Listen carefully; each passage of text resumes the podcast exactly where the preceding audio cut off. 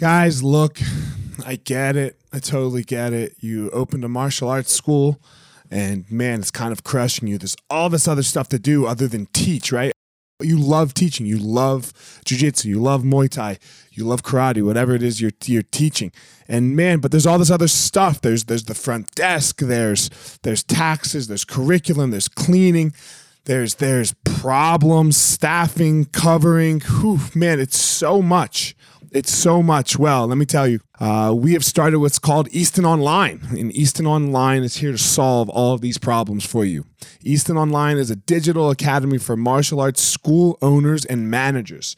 Will help you establish or enhance your business with best practices. Most importantly, we're going to help you get back to what it is that you love most teaching and doing martial arts. Okay, so for more information, guys, go to easton.online. Again, that's easton.online. Add your email. You're going to get notified about the course launches. Our first course is going to be all about the first impression specialists, your front desk, and all kinds of stuff, special offers, promotions, as well as we started a podcast by the same name, Easton Online, that's gonna talk about our process of how how we went from a tiny little martial arts school to what is now seven martial arts schools, seven Brazilian Jiu Jitsu Muay Thai schools, um, in a very holistic way that we believe um, kept the integrity of the art and also deals with its people very well. So again, Easton dot Easton.online, enter your email and you're gonna get all you're gonna get everything you need right there. So thanks, guys.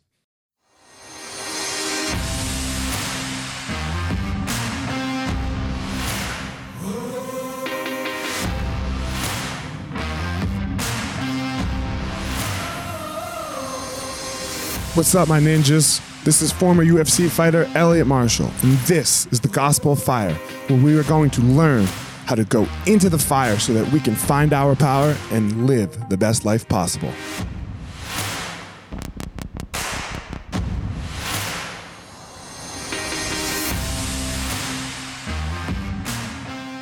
Guys, this episode of the podcast, I have Daniel Daniele Bolelli. Daniele is a Italian immigrant who came over to America um, for educational purposes uh, when he was 18 years old after uh, high school, and lived in California and just became an all around interested person. Um, he is a martial artist studying Brazilian Jiu Jitsu. He is a professor in uh, the California state colleges. And man, um, just an, uh, an all around interesting conversation. We talked about martial arts, we talked about education, we talked about coronavirus, uh, the differences in how uh, Italy, because his whole family's still back in Italy, is handling the virus versus how America is handling the virus. Um, so I hope you enjoy. Uh, if you do, give a like, give a subscribe, leave a comment on iTunes, uh, and give me a follow. Fire Marshal 205 on Instagram. So here we go. Daniele Bolelli. All right, what up, Daniele? How are you, man? Good. How are you doing? Uh, it's called Corona Good, right? right. it's good, yeah. but so uh, you're you are in California, and man, California didn't get crushed like New York got crushed.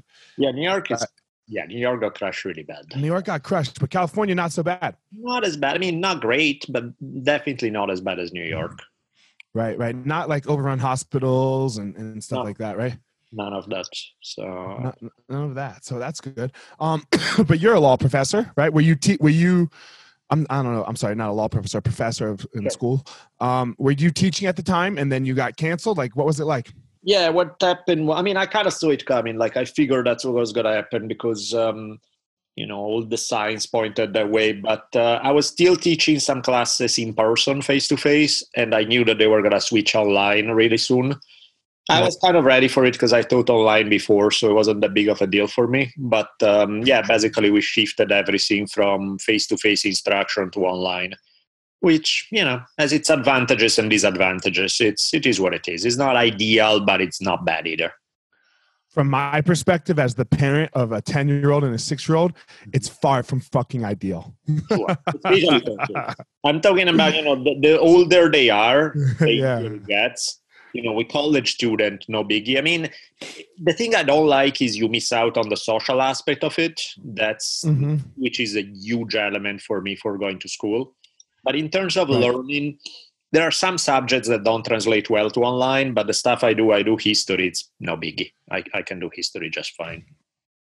Got you. Yeah, for for me, it's sometimes it's uh it's a choice. Are you are they gonna get the lesson or are you gonna have a good day? Yeah, Right. With like with your kids. And sometimes it's fuck the lesson, man. We're just gonna have a good day. you got to. You have to sometime to conserve your mental sanity. Yeah. So um and obviously, uh, as everyone can hear from your accent, you are Italian, which is one of the country uh, one of the countries that got hit uh the worst, especially early on. Yep. So do you have anybody back there? Well, and like I what's what's it what's that been like for them Yeah, I speak uh, with my dad on Zoom every day, and um, yeah, he has been on full lockdown for two months now. I think uh, you know he probably went out of the house three times to get groceries. That was about it. The rest has Wow. been you know, groceries delivered and just stay home. That's it. and how old's your dad Um, my dad is uh, what is he now? Sixty nine. He's turning seventy. So he's uh, Okay. you know it's kind of i mean the main thing that pisses him off is just not being able to come to us to visit us um, and you know of course we can go there either. But um, other than that you know he's handling it like a pro which is amazing because you know i look at for me and you know i have a backyard i have so staying at home is not that big of a deal. Over there is like he's in a tiny apartment on the fourth floor of an apartment building. There's nothing. There's literally the four walls of your house and that's it. So it's it's a bit harder way to be quarantined than um, than you know if you have if you can take a walk around the neighborhood or stuff like that that they absolutely don't allow you there. You said they're, they're not even allowed to go out of the house and walk? No. I mean you have to literally have a reason where you're either going grocery shopping or you're going uh, to, to the pharmacy or you can take your dog downstairs and bring him back up. That's about the extent of it uh, so they're on way more of a lockdown than we are Yeah, big time and they are there are they having the social revolt a little bit that we are i mean like so because you have such a, a massive amount here in this country Yeah. um that are like oh my god let us out this is bullshit like what's it what's what's the sense over in italy I mean, I think there's a little, but not nearly as much, and is not nearly as militant. It's more like some people are just tired and they are willing to start taking risks. But that's about as much as it goes. You know, for the most part, people are like, no, this is the way. I mean, I don't know if he's representative or not, but all the Facebook posts I see of the people I know, they are all like, no, that's just how it is. Just uh, we got hit way too hard and we need to flatten it.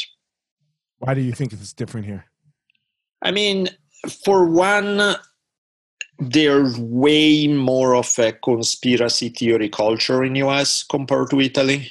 There's, uh, you know, whatever happens, you think that there's like there's a sizable percentage of population that assumes that there's some strange uh, kind of They Live with Rowdy Roddy Piper thing going on um, in the background. There's also a call, you know, there, there's some of that, which is, you don't get me wrong, it exists in Italy, even because in Italy has a history where there really were a lot of crazy conspiracy that were proved true, but not quite as much as out here. You're saying there's more conspiracies that were proved true here than in italy Well, actually, it's funny. There were probably more conspiracies that were proven true in Italy than in US than in American history.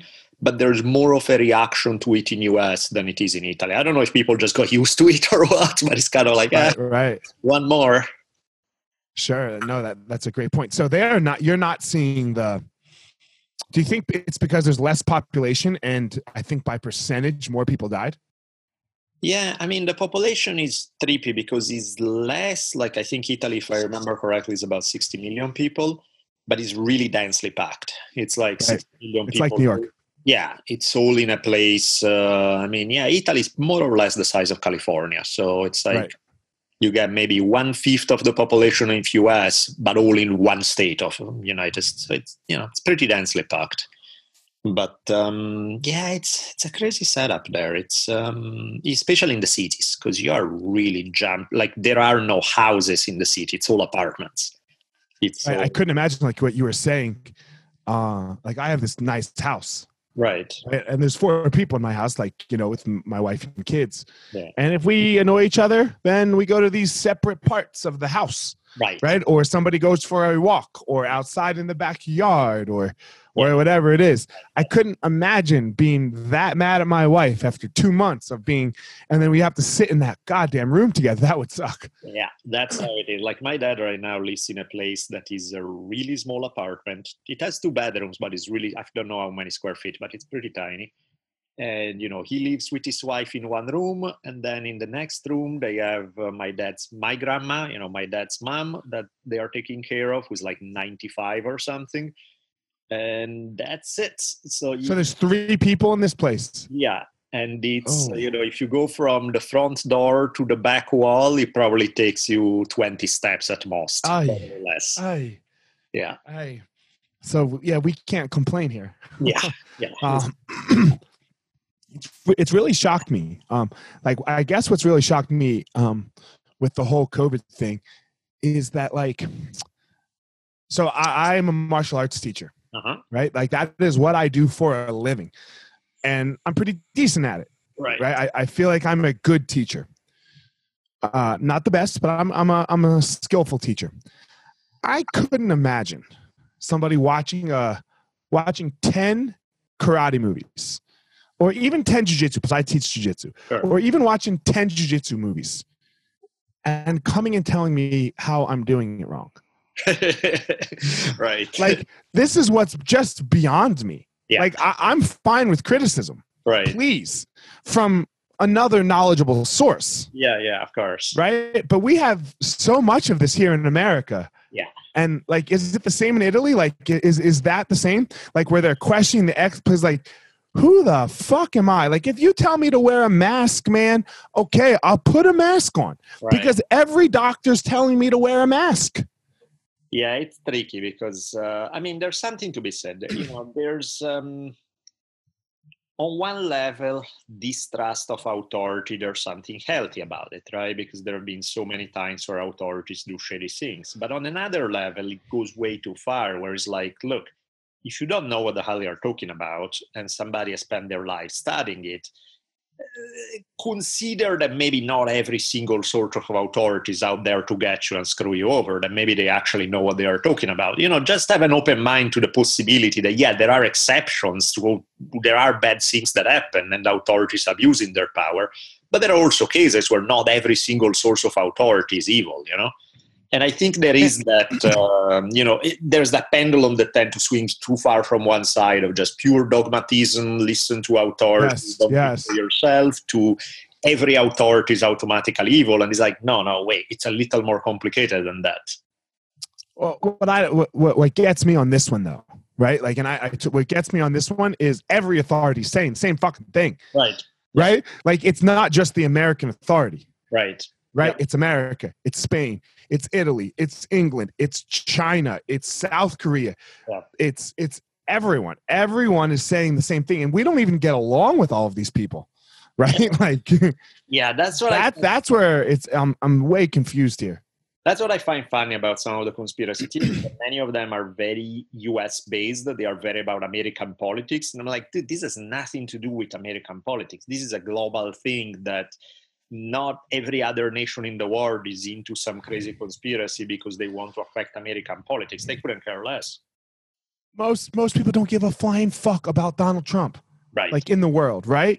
Like Right. they don't give. a We have 330 million people. There's seven billion people in the world. exactly. right? So most of them don't give a rat's ass that he talked about Clorox and that the that the US economy was good Right. before all this happened, Right. right? Yeah. But they're all talking about COVID. So why this is where I just don't understand how we're not how we're how we're where all the conspiracy because I mean Zeitgeist has to be true. Have you ever seen that movie Zeitgeist? Yeah, yeah, yeah, yeah. Where it's like 10 families or 10 people in the whole world are in control of the whole thing. Right. So it's either zeitgeist or this is like a real thing in my mind, Right. right? Exactly. So it's one. It's we're here or there. Yeah. So Yeah, and I think some of it also comes from um, just not having any more uh, good sources of uh, information. You know, there was a Yes. time when investigative journalism people got paid for it and you work. Now there's just no money for it because, and that has been Right. kind of one of the downsides of internet that kind of good journalism has sort of died that way. And there are no commonly trusted sources of information. Everybody's automatically, you know, doesn't matter what you post or what information you get, is like, oh, you got it from such and such source, it's bias, I don't trust it. And there's nothing that is accepted across the board by people as a fact. Now, if you can, you clearly, if you don't accept share the facts, then you can't have a discussion because if we can't even understand that some things are what they are, and you always assume that there's something else behind it, there's no discussion to be had. I, I was trying to make this point with my friends the other day, and I think I just fucked it up somehow. Like one of my friends sent this picture from an article of somebody talking about percentages, Mhm. right? And the motherfucker forgot to multiply by a hundred after his divi- division, Right. right? So instead of instead of five percent, he had 0.05 percent, Right. and he put the percent sign, and he did it multiple times. So I sent this picture to my friends. I was like, guys, look, you got to see that this is a problem, Yeah. right? Like, like this guy is putting out news. People are sharing it. If you don't understand numbers Yeah. and math, like basic math, then you think this is true. Yeah. And it, it divulged into, well, oh, well, none of the numbers are true. I'm like, no, no, I'm not talking about the actual numbers, like how many cases or anything. I'm talking about if we can't agree on how to do math, Yeah, that's a problem. it's a problem, Yeah. right? Like, because if, if you're never going to multiply by 100, you're always going to think that this was a conspiracy, Right. Of course. right? Because there's a huge difference. There's a huge difference between 1% and 0.1%. yeah. Big time. And I think that's kind of where we're at, that a lot of it is ignorance. And there's a sort of cult of ignorance in some parts of the country where it's like education is evil, education brainwash you, good old fashioned ignorance is the way to go. And it's like, it's embar. I mean, when you consider like one thing I've been playing during lockdown with my daughter is like geography games because I'm like, this is ridiculous that you are in fifth grade and nobody has ever tested you on an atlas on just finding out where the hell are countries around the world. Like, you know it because you do it at home, but you never done it in school. And I'm like, how is that even possible? Like, how is it not a priority to know what's out there in the world? And you know, so we'll you know get a blank map, and then after she studied a little, we'll go like, okay, uh, South America, name all the states. What's this one? What's that one? What's that one? And you know, you make a game out of it, and it's kind of fun. But it's like most people, it's kind of hard for them to speak about world's events because they have no idea or any countries or what they are about or what's and, and so it's just like. I, I had one guy once. Um, oh, you're from Italy. That's so cool. I was just there. I was in Paris last week, and I was like, Paris is France. Did the guy really was in France and thought that that was Italy? It's like Jesus Christ. That's. I, I didn't even know what to say. You know, it was just like, wow. And I don't feel like we really talk to each other. Yeah. It's like right it's like right now you and I we're 18 minutes in, Mhm. right? So we end this conversation and yeah, man, I was talking to this guy from Italy the other day. And and but that's it, right? And then all Italians, they're done because of Daniele Bololi Bolelli's Sure. one, my one conversation with Daniele Bololi, Sure, sure, right? And it's like, man, that's just not the case, right? Yeah. Yeah. It, it's so much bigger than this. You have to spend a lot of time Mhm. talk and, and really talking like and, and then not actually not talking shutting the fuck up and listening Sure. Sure, you know sure. Yeah, in fact, it's What- funny because on one end we live in this interconnected world where Yeah. the options are so much higher, but on the other end, it doesn't always translate to greater knowledge. right look because that interconnected world you and i get to sit here and have this conversation right Absolutely. like it, it, it's a it's a possibility um let's let's move off covid and- that and, let, and let's go on to, to you a little more here what what made you like make this decision graduate high school and then you come to america Well, I like Italy is great if you want to retire. Italy is great if you want to visit and travel. Italy is not great if you want to get stuff done.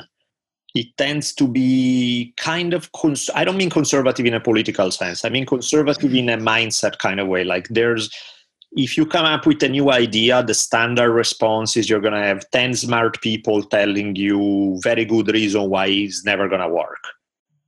Which, of course, even if you are right, if the, if the response is always no, no, no to any innovation, any risk, any anything, then you don't create any stuff ever.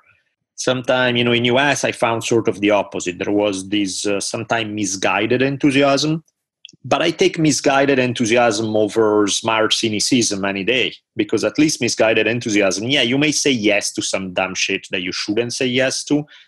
They are also taking chances. There's more possibility for stuff to happen. And so I was intrigued with that idea because it, I could see my life in Italy for the rest of my life, and it was all I could map it up and be very predictable. And I was like, eh, eh, eh, I see a lot of limitations there. Whereas US, you know, everyone in the world grew up watching Hollywood movies, so you kind of have a sense that is the center of the empire, right? Whereas like the rest of the world is consume everything that's produced within a few square miles around Hollywood, and is so I was curious to what would it be like. I had no idea. I had no idea about how bad it could get, how good it could get. I was like, hmm, and you know my mom at the time was um, she was a journalist and she was writing about cinema and stuff and she was planning on moving to us so i was like ah, maybe i can tag along with her and have a, sort of a soft landing if i move to us and then just get a feel for it see if i like it or not. So did your mom come too? Yeah yeah. So she was around and uh, and you know, it was a little was interesting coming to US because on one end I liked it. You know, there were some things that were really cool. On the other level, there were some stuff that I didn't like in Italy, and it was way worse in US. Like um, in terms of human contact, you know, the it would be very easy to meet new people in places like Los Angeles, but very hard to go any deeper than surface level. You know, you hit it off and the speed of life and people are so you kind of never unless you hit it off immediately in a huge way then you never see them again kind of thing. La is a tough place in my opinion. Yeah. Like, i don't like it's it's a it's a, there's so many people right? But it could be so lonely totally. right? It can totally. be so lonely in la yep. That's kind of what it felt like where i was like man i ran into a lot of pleasant people but it's so hard to like even people who I mean, I remember like in school being talking with some guy, and I was like, man, you know, you're from here, you know people and stuff. Who are your friends? Like, who do you hang out with? And he's like, um, mainly you. And I was like, me? Because I didn't really think we were friends. Like, if that's the idea of friends, he's like, holy shit, that's really bad oh my right. That's like way worse than i thought. It's like we what do we are we hang out like twice in a year or something it's like that's not really being friends. And and i was like holy shit okay that's way lonelier than i thought. Right. So what what kept you here then? Um I dug a lot the fact that I could do things for myself. I could kind of carve my own path in a weird way that was uh, you know, I started um, teaching college when I was still really young, uh, in my late twenties. I was uh, really enjoying the kind of kind of martial arts world that I got in touch with, and the kind of community that's created around martial arts. I um, things like that, where I was like, you know what, I can carve a weird path that would probably never work for me in Italy. That this, like in Italy, for example, like the people who teach college, I forget what the statistics are, but something like 90% are over 60 years old. Oh, wow. And so it's like, whoa, that's a little different. You know, there's no. And how old are you? Uh, right now, I'm 46, but I started okay. teaching, I think I was 27, something like that. So, gotcha. and, was, and what year was it when you came here? So I came here in 92 and I started okay. teaching, I think was, yeah, it was 2001. It was right before 9-11. Right. So okay. I was like, you know, there's no way that somebody who like me would be able to teach college in Italy. That just never happened, right? And so I could do some of these even at your age now. Yeah, I mean now is like okay, maybe you're getting in, you know, you're so it's like I don't know. I dug it. I, I dug that aspect, and I was like, okay, you know, it's not ideal, but nowhere is ideal. You know, there's stuff about Italy that I like better, but there's stuff I'd like less. So it was like, okay, I can make it work here. The idea of ideal. I mean, I'm going to say this as nicely as I can. I mean, I love my wife to death, right? And I love my kids to death. Sure. They're not fucking ideal in every second of the world, right? Like like, God damn, this would be so much easier if I was by myself right now, Right. right? So like, like this idea of ideal, yeah, you got to kind of make your own ideal. Yeah. You know, so it sounds like you're able to do that. Martial arts is what you were talking about a second ago. Well, and I was reading your bio. You've done so many martial arts. Yeah, especially Uh, you know, I started out before there was the first UFC. So Okay. the world of martial arts back then looked very different. It was Oh yeah, it was a ton more of traditional martial arts, Japanese, Chinese, Korean kind of stuff, and so you start with that those things because there was no MMA. There was very little jiu-jitsu anywhere in the world, let alone close to anywhere where I would be. There was so you know I started out with a different sort of approach to martial arts, and then I started, me too. I started in '86. say that again. I, st- I started in '86. Oh, wow, with yeah. the traditional martial arts. So I know exactly what you're talking about. Which So ones? Which ones did you start with? I started with uh, Tang Soo Do. Yeah, yeah, of course, exactly. So there's all that range of the. So I started. Yeah, primarily I started with uh, Chinese martial arts and tried a bunch from the very flashy and completely impractical to stuff that was a little more interesting to more. And then eventually I started gravitating progressively more so toward combat sports and then started playing with the same things we all do, you know, boxing, jiu-jitsu, judo, that type of stuff. Right. How and how much boxing, jiu-jitsu, and ju- like how how far did you go? Um, so let's say boxing. I boxed for maybe five years or so. I was Okay. doing striking. Eventually, I got tired of getting punched in the head, so I decided Oh, I would. so it gets so old. It really does. So I figure I would continue the grappling, um, and then just here and there train some striking, but nothing big. Um, so primarily, you know, I've been grappling. I think I started. When did I start grappling? Somewhere around 2000, I guess Okay. and it was always you know especially i had no money and i was so i was like rolling people garages and just do jiu-jitsu based on you know somebody actually trains with a teacher and you watch videos and you just roll in the garage and you pick up a lot of stuff from experience which makes you really good at some things because you develop them really well through trial and error and then you have huge gaps in your knowledge of stuff that you should have learned on day one and you're like oh Right. taught me that because I didn't go to formal it was. So it wasn't years into it that I actually started taking it more systematically. And then, uh, and you know, Did you jiu-jitsu- sign up at a school? yeah, yeah. So I started training at different places and so on, and that was fun. And also, you know, for the longest time, I trained no gi. So there was no ranking, no anything. It was just you pick up stuff, no gi. And then eventually, I was like, I guess I could put the gi on and play with it. And and um, and then eventually, I also added uh, more judo because I was like, okay, I feel good about my ground game. My takedowns kind of suck. I mean, I know how to shoot a double. That's about it. I set it up well in MMA. You know, I can fake with punches and shoot a good double, but that's about the extent of it. So I was like, ah, I should probably learn more takedowns. Are you still training grappling? Yeah, yeah. I'm, the Okay. two things I do the most right now are judo and jujitsu.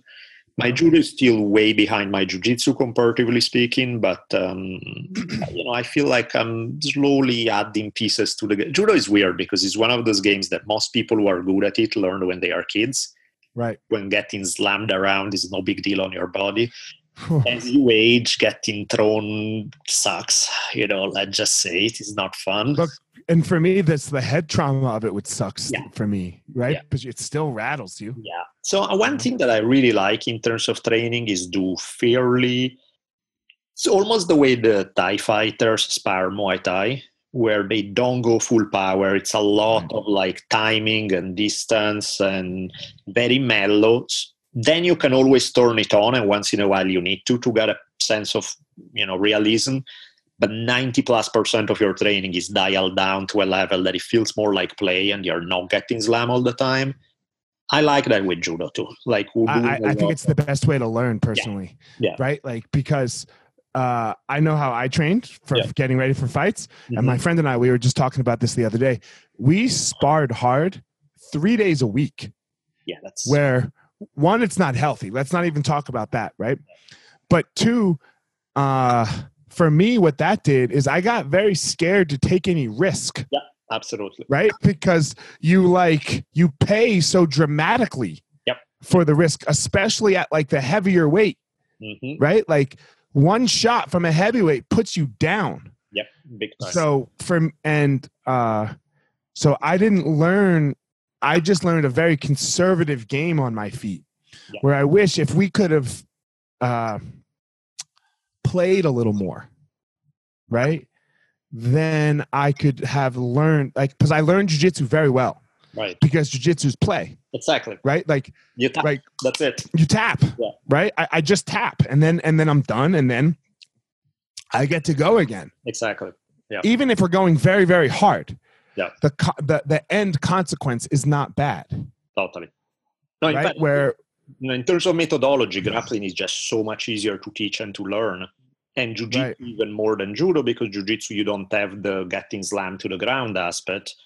And even something like judo or wrestling is still easier than striking because you know, yeah, you're getting slammed into the ground, but you're not getting punched in the head the whole time. So it's yeah, jujitsu is so much easier to pick up. But I think there is something to be said about training stand-up grappling and even striking more along those lines. I, I agree i agree it's very important i'm glad i like i, I have no regrets right but I, I wish i wish i was i would have done more of the thai style Yeah. like if we would have if we would have sparred light every every five days that we went light we went one day hard that would be cool Yeah. you know that would that'd be that would have been all right balanced, yes. and and no hard out of camp. Like Yeah. there's no reason for hard head contact. Nope. If you know, so it was very uh, eye opening. You know, and as a coach, I do it. We do it differently. So Yep. you know, um, where do you where do you currently train jujitsu? Like, do you do it? Like, what's your who's your instructor? Well, I mean, right now it's clearly tricky because of COVID and stuff. But uh, You're the- telling me, bro. yeah, You're telling me I have seven schools, man. They're all no doors open. that's terrible. Yeah. Now I've been training. Uh, I mean, I just moved, so I've been training until they closed the other day. Basically, I was training at this place called M3 in La Crescenta. okay. Uh, then Yvonne is my instructor, Mike Verdugo for judo. They are, I like their game a lot. They're, they've had a great attitude both about, you know, they teach judo and jiu-jitsu sort of like people in one class take the other a lot. There's a lot of overlap. So it's, um, I like it a lot. It's a fun, uh, Nice.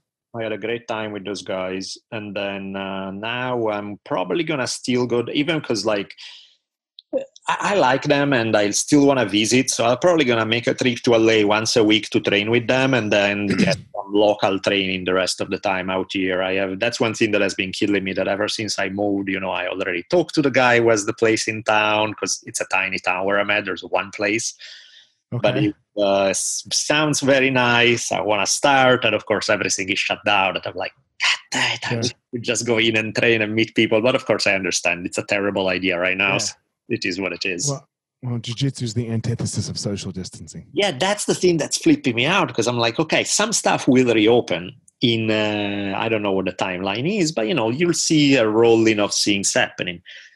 Jiu-jitsu, what the hell do we do about that? Because we are grinding in, each- you know, we're in each other's face the whole time. You're sweating on one another the whole time. How is that gonna look? You know, and and I try not to think about it too hard because I'm like, I don't know. about it every day. i I'm think about it every day. sure you do, but like anytime I do, I get like, so I'm like, I don't know. What are your thoughts? So these, uh, uh, I have to be careful because a lot of my students listen to this, right? My thoughts are that COVID is very serious. Right? Okay. I don't believe this was an overreaction. I believe we did everything we had to do to stay under the curve. hmm I think where most people are missing this of of the reason of why we did what we did is they think that we did it so that people wouldn't get sick, wouldn't get corona. Right. I don't think that's the case. The case was so that people wouldn't get corona at the same time Yeah. and then the hospitals wouldn't get overrun. Totally. Most likely we're going to get corona. You, me, everyone, Sure. right? And 99% of us that are young and healthy are going to be just fine, Right. right? Like but that's so when you compare it to the flu, that's the flu as well Sure. right? Now, for the old people, for the for the high risk, it's way more deadly than the flu. Right. Absolutely. Right? It's it's way more deadly than the flu. The problem with all of my theories is it's still such a young virus. Yeah. Right? So like for example in South Korea, uh my friend was just telling me about an article that he read where people were people got it healthy for a month hmm and then sick again but Yeah. not reinfected the same virus the same everything right Yeah. so it just lay dormant in them and then really really sick so we just don't know yet and so there's so many hard questions about what to do because i see both sides of it of like um, i don't want old people dying Of course. but I also don't want me and my friends and my restaurant friends Yeah. and my all kinds of friends to lose their entire livelihoods. Absolutely. So it's mean- it's a hard thing. I'm in the same boat. and That's exactly the way I see it. It's uh, Yeah. word by word is precisely the way I see it. Where that's why I find some of those discussions that are so one-sided. It's all about, it's all about you know, screw what happens to a small percentage. We need to reopen everything, and it's like uh, I see the point, but also you're taking it way too far. And by the same token, the let's keep everything shut down forever because it's like you can't live that way. That's just not gonna work. Like the argument of let's keep everything shut down until there's a vaccine, that can't happen No, I can't. There's no- because the because domestic violence way up, exactly. alcoholism Yep. way up, suicide way up, right? Like you know, so we we can't do that either. I and then you want to talk about an economic crisis look we, we, we were smart you know uh, we got approved and have all of the money from the loans possible right. but let me tell you what's the last thing i want to do is use any of that fucking money Right. right Yeah. i don't want to use that money Sure. I, I was good i saved money I, you, right like i don't want to touch i don't want to touch even at 3.75% Yeah. i don't want to right like i Yeah. mean look if you want to give me a loan for 3.75% that i can go buy whatever the fuck i want with and i'm not tied to the sba i'll take that loan right but, but these loans you're tied to the sba Yep. Yep. right so i i can't i'm not allowed to make any money without the without asking the sba with these Right. loans Absolutely. so it, it's a very difficult thing and uh yeah so i'm good for a little bit without without the loans yeah, in fact, that's the big question, you know, because when things will reopen, what about the things that people like you or I cares a lot about, which is getting that. And it's more than just training. It is training, but it's also the community around the gym, the people you meet, the, you know, so many aspects. It's not just training. it's not just training it's it's so many uh all right so i own the school so i can say this right uh, i have a monogamous jiu-jitsu partner right Right. they're my fucking mats I, i'm allowed to go in there yeah, yeah. anybody else go in there no they're mine Of course. right? i'm the one who's paying the bills still, Yeah, of course. right and we just trained Yeah. And man, dude, the, the, the chaos of jujitsu, hmm of, of training, helps me deal with the chaos of the world so much better. So if you want to talk about like the mental health aspect of martial arts and jujitsu yeah. and keeping people okay and keeping people sane here during a really tough time, I mean, I'm almost willing to like I'm willing to take the risk with my friend uh, of, and so is he. Yeah, no, I get it because I mean, so many like to me when I think about it, it's like why why have I spent uh, as many hours of my life, years, everything training? A lot of it boils down to how it makes you feel, what it does for your mental health, you know, what it does for your overall well-being. Way more than anything. I mean, technique is great. We all love the cool technique. That's fun but the ultimate stuff that makes it all worth it is what it does for your mindset for who you are as a Mhm. person i mean how, how many times probably i'm sure i don't know maybe you are more mellow but like how many times have i been like in traffic where i'm like okay it's a matter of minutes now. Will i just kill somebody or will i make it to the mat before i kill somebody? And then you make it to the mat and you roll and you're like ah okay everything resets now. Now i'm a more pleasant human being. Now i can deal with stuff And then you can deal with stuff after. It's long lasting. Exactly. The You know? next day or two, I'm good. I'm I'm okay. Uh, like that pressure has boiled over, and I feel good again. it's huge. So there's it's huge, and so there's so many aspects to it. Yeah. Right. Like of, of what it's going to look like, and I do think one of the things that we have to look at is, you know, we all can't look at like I I'm not going to look at what the schools in in New York are doing. Sure. Right, and I'm not going to look at the, what the schools in California are doing because I'm in Colorado. Right. Of course. Are we going to allow visitors? No.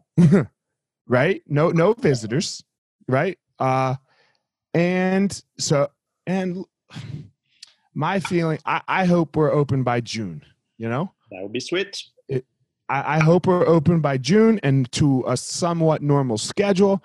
Uh, if you are my student and listening to this right now, don't hold me to the fire on that. Of course. It's not up to you. right like i like i i've tried in all the updates that we've given i've tried to under promise yeah. right course. um realistically. Nobody i don't know Yeah. nobody knows you know so we'll see our governor is going to readdress on may 11th what gyms are allowed to do Right. that makes sense. and then we'll go from there Yep. So- I have the same thing you have. Like I'm doing, uh, say, like my girlfriend, she fights professionally for one. Okay. And so, you know, we were like, okay, we have space at home. Let's roll at home. It's just you and I were in the same house anyway. Might as well. So it's like, ah, okay, this feels good. This helps. Yeah it helps yeah um you also have so you have this education side of your life that we talked Sure. about a little bit right like but then you also have this this other side of your life of this this like uh public figure a little bit right with your podcast and your and your books and Yep. Let, let's talk about that a little bit. What the, the, the yeah first your author your your book stuff.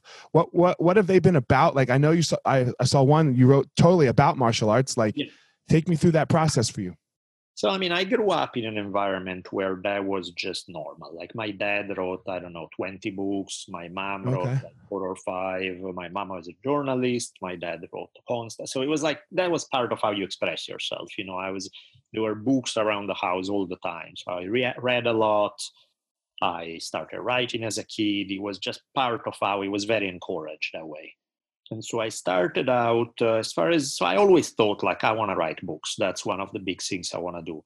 And I started out. I wrote uh, one book that was yeah about philosophy and martial arts called On the Warrior's Path. I published it first in Italy because then eventually it took a few years because my English sucked when I first moved. But eventually I started getting decent enough with writing or you know, writing in Italian and writing in English is two completely different things. The Italian is really long-winded and sentences are very la la la la la la la la la la la la la la la la la. It's really long. In English, if you do that, you lose people attention in three seconds. So you need to be much more, much quicker and to the point.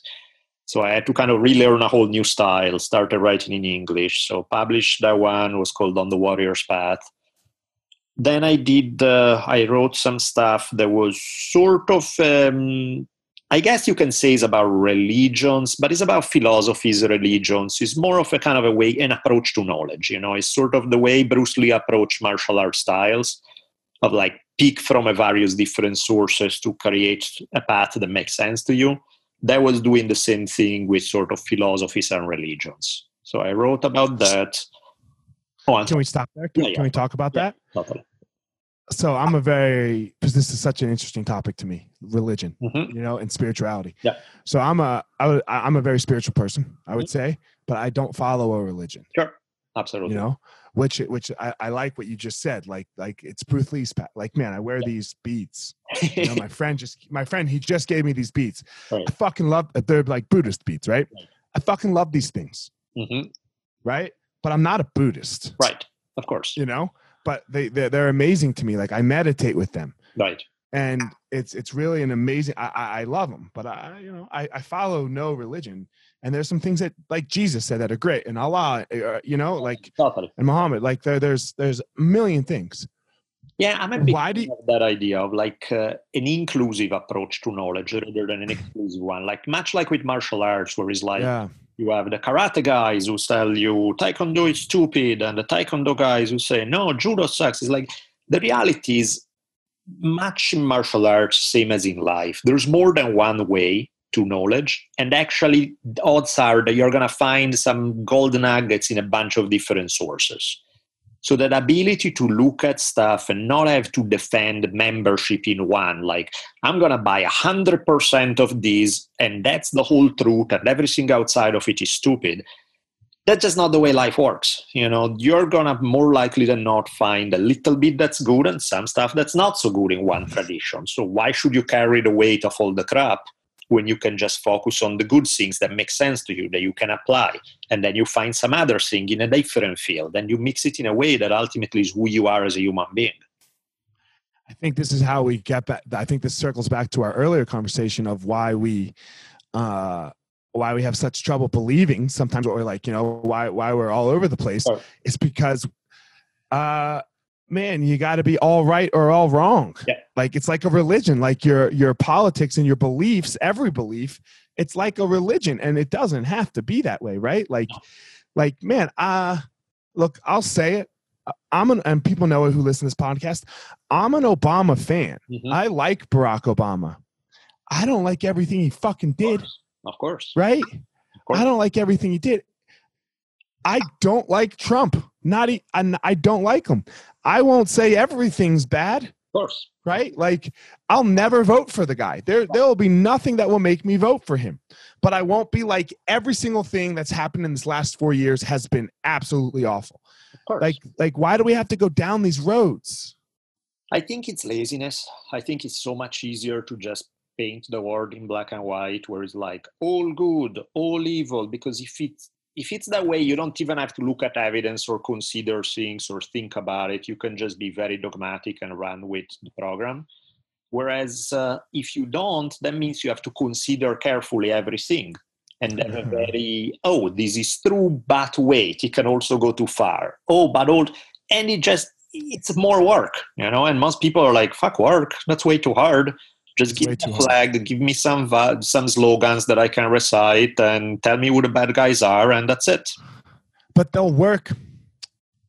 They'll work in the one direction, mm-hmm. right? They'll work. They'll they'll do all of the work defending their one their right. right where, and I think we all fall into this trap, right? We all fall into this trap.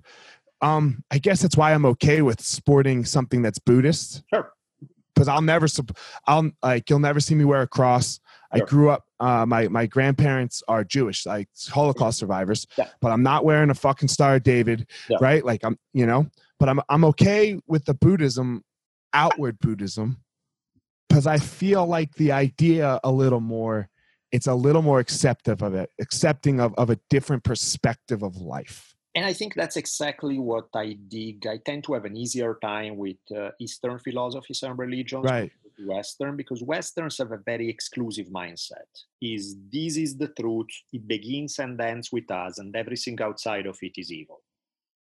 Uh, whereas a lot of Eastern beliefs tend to be like in China before communism, for example, people could practice Confucianism, Buddhism, and Taoism all at the same time, and nobody right. cared because he was like, yeah, there's some cool stuff in Buddhism, but no, I don't like that stuff. So that stuff, however, the Taoists do it well, so I borrow from them.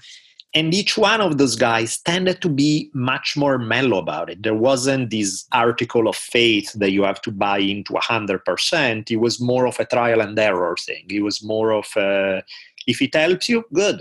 If it doesn't help you, try something else, you know. And so there's a key difference between exclusive beliefs and inclusive ones. Inclusive ones, they don't mean they accept everything, some stuff may just be stupid, but they, they are open to the idea of testing things out. Whereas exclusive ones have the idea that no, we already know the truth, it's all contained in our one system, and everything outside of it is to be rejected. Yeah. Now, obviously, not everybody who's participating in a Western religion has is that rigid in their mindset, and not everybody in Eastern philosophy is that mellow. You know, there's there are people who grow up in more inclusive households that are still managed to be self-righteous dicks, and there are people who grow up in very exclusive households who are very pleasant. You know, so it's not that hard, you know, but but it gives you a push in that direction, right? It's like it, right. it makes you more likely to be open-minded versus not. It doesn't determine it, but it certainly pushes you in a certain direction. Yeah, for sure. And uh, like with the whole back to it, like I, I, I, it bothers me the like the terms get get so exclusive. Yeah. Like, man, I want to believe in God. I just don't want to believe in God the way that everyone calls it God. Right? And I want to say that my life is blessed, hmm right? It's just not blessed by some fucking man in the sky, Sure, sure. right? Like so like it's it's like they've stolen the terms as well Absolutely. right? Like, because I can't explain it, and I can't explain anything else for my life other than that, that I'm fucking blessed. Sure. Right? Yeah. I, I was not born to an AIDS-ridden mother with five children in Africa Right. with no water. That would change the like. I don't care how smart you are or anything. Those are the cards you're given on day one, yeah, you're not gonna have it too good. That's not gonna work out well. And that's not saying that nobody made it out of that, Sure, right? Because people have made it out. sure, but it's But, zero. I mean, like- zero one percent, and Right. The percent's zero, man. It's zero, right? Like, ah. yeah, So, the odds. It's kind of like given being given some cards at a poker table, right? You know, can you Right. win the game with shitty cards? Sure, but the odds that you will have just decreased dramatically. right, right. I would love to start with pocket aces over 7 2, Yeah, exactly. It's like, right? but you know, you start with that is a good start. And The odds that Yes. you do well like, have just dramatically improved. Right. Way up, way up. You Yeah. know? So man, that uh where has like where do you are you religious and are you spiritual? Are you religious? Where where are you on this, I guess? Um, my approach is uh, I don't have. There's what I experience, and there's everything else. So I don't necessarily stick to a set of beliefs per se about anything. There is um, my approach to things is I've seen and experienced a lot of things that cannot be explained purely through the more materialistic view of science. And yet, that doesn't mean I have a theory for how the universe works. That's all that, like, I don't fucking know, right? It's like there's way more out there. So I think, like, I have an attitude that's like the world is so much more mysterious and weirder than we can come up with. But I don't feel the need to come up with, like, forcing the answer of, like, pushing some uh, insight that I may have and then running with it and saying, this is the way the universe works. This is what's I don't know. That's the, so I tend to have, uh, agnostic with an asterisk kind of thing. Agnostic, but not in the sense of just sitting on the fence and say, I don't know. See, no, I have experienced some stuff that's very powerful that speak to me in a big way, but it doesn't mean I fully know what's behind it. You know, it's like some of the more the more intense experiences I've had with that kind of stuff were in um, like with tribal, like with Lakota people, like with uh, American Indian ceremonies. I had uh, anytime I've been around that life, there was a lot of it that made sense to me. Do I fully mm-hmm. understand it, or does my understanding of the universe is completely determined by that? No, it's not. Because again, ultimately, my approach is as humans, you can grasp this much of what's out there. You have a tiny, tiny window to understand the universe through. So I, I'm a big fan of just staying open and being willing to try things but not like I find that beliefs are a prison in a way because belief once you have a belief, then you're gonna try to force all of your experience through that one lens. Yeah. And I'm a fan of not doing that. I'm just being open to keep changing my mind around like I have experiences. Those are not beliefs. Those are when a new experience comes in, then I can change uh, what I know based on the new experience a belief is a little more static. There's a sense of accomplishment that you have arrived, that you already have that knowledge. And I'm like, eh, that knowledge is in constant flux. My friends, I have some religious friends, you know, really good religious friends, and they they always say, "Yeah, man, you'll flip flop on anything," and I'm like, well, "I'll flip flop on a lot, Right. you know, but not not on anything, Not on anything. right? Like not on anything. Yeah. But yes, I will change my mind. Sure. You know, sign But- of mental health to me. Yeah. That means that in the face of new evidence, you're willing to adopt the I'm- fact that the previous model doesn't work. right? Yeah, I will definitely change my fucking mind. Yeah. Uh, even on this religious stuff, I Yeah. used to be hardcore atheist, like Yeah. pretty fucking hardcore, and I'm not so much anymore. Right. You know, and I'm not. Uh, I- I'm uh, I'm atheist to pretty much all of the things that have been taught, Sure. right? Sure. But I'm open to this this uh, this idea of something bigger, which is what you were talking about, right? Like you let your experience kind of dictate, Yep. and then you hope that you hope that you are th- open enough Mhm. to clearly think and accept that experience. absolutely. That's kind which of where is- I'm at. which can be hard, yeah, that's right? Which which can be hard. Yeah. Um. So, man, that was uh that was that was a great conversation, man. I really appreciate it. You know. Um. I hope you stay safe and well. Yeah. and uh, tell everyone where they can reach you, like uh social, excuse me, social media, your podcast, all that stuff. Sure. So I have a couple of podcasts. One is called History on Fire. Now there are some 50 episodes of History on Fire that are available everywhere. A few of the more recent ones are behind the paywall, but you have a long way to catch up to to decide whether you like it or not before that's even a choice. So History on Fire podcast, that's just me diving deep into some specific historical topics and telling the story. You know, you know, the problem with history is that when you read books, most history books are tedious as hell. They are so painfully boring. But there are golden nuggets there of amazing stories. And so, what I do is do the deep dive into these really painfully boring books and then dig out all the facts and tell it in a way that's a little more engaging. So then it feels like you're watching. what Dan Carlin does, right? that's exactly that, Hardcore history. that's exactly that same approach, right? It's like Right. I love Yeah, that. I love his podcast. there. brilliant and you know my goal is to do something very similar with it and that's that's what i do with history on fire I'm and the other one called uh, the drunken taoist is more of a chatty life philosophy you name it kind of podcast sometimes with guests sometimes without and um, so that's a bit of a different style All right, man. Well, I yeah, appreciate I it. my last name is uh, you know for people who wanna because then the gods of Google are good and they'll show you everything you want. So my last name is spelled B O L E L L I again B O L E L L I. Once you type that into Google, life will be good and all Wow. want will show I'll. I'll put it all. I'll put it all in the show notes, man. Sweet, awesome. Thank you so much. Thank you, man. Uh, I'll close it out here and then we'll hold on. So, uh, man, that's it, everyone. As always, what do we do? We go out there and we find our power. You know, uh, Daniel has found his, Daniele has found his. I try to find mine. And don't try to be me and don't try to be him, right? This is the message of the gospel of fire is that you have to go into the hardness. You have to go into hell, into the fire, and then what will come out will be a will be a stronger version of you, right? But it won't be me and it won't be Daniele and it won't be anybody else that you've ever heard on this podcast. It will be your power. So go out there, everybody, and find your power. All right, everyone, thanks for listening to this episode of The Gospel of Fire. If you enjoyed the episode, I'd love a review on iTunes or wherever you are listening to this podcast. Don't forget to follow me on social media at FireMarshal205. If you are a BJJ enthusiast, check out my YouTube channel. I put all kinds of instructional DVD uh, videos out on there, so go check it out. My book is still out on Amazon by the same name as the podcast, The- The Gospel of Fire. So if you are interested, go check out that. And most importantly, guys, go out there every day, find your power. Thanks a lot.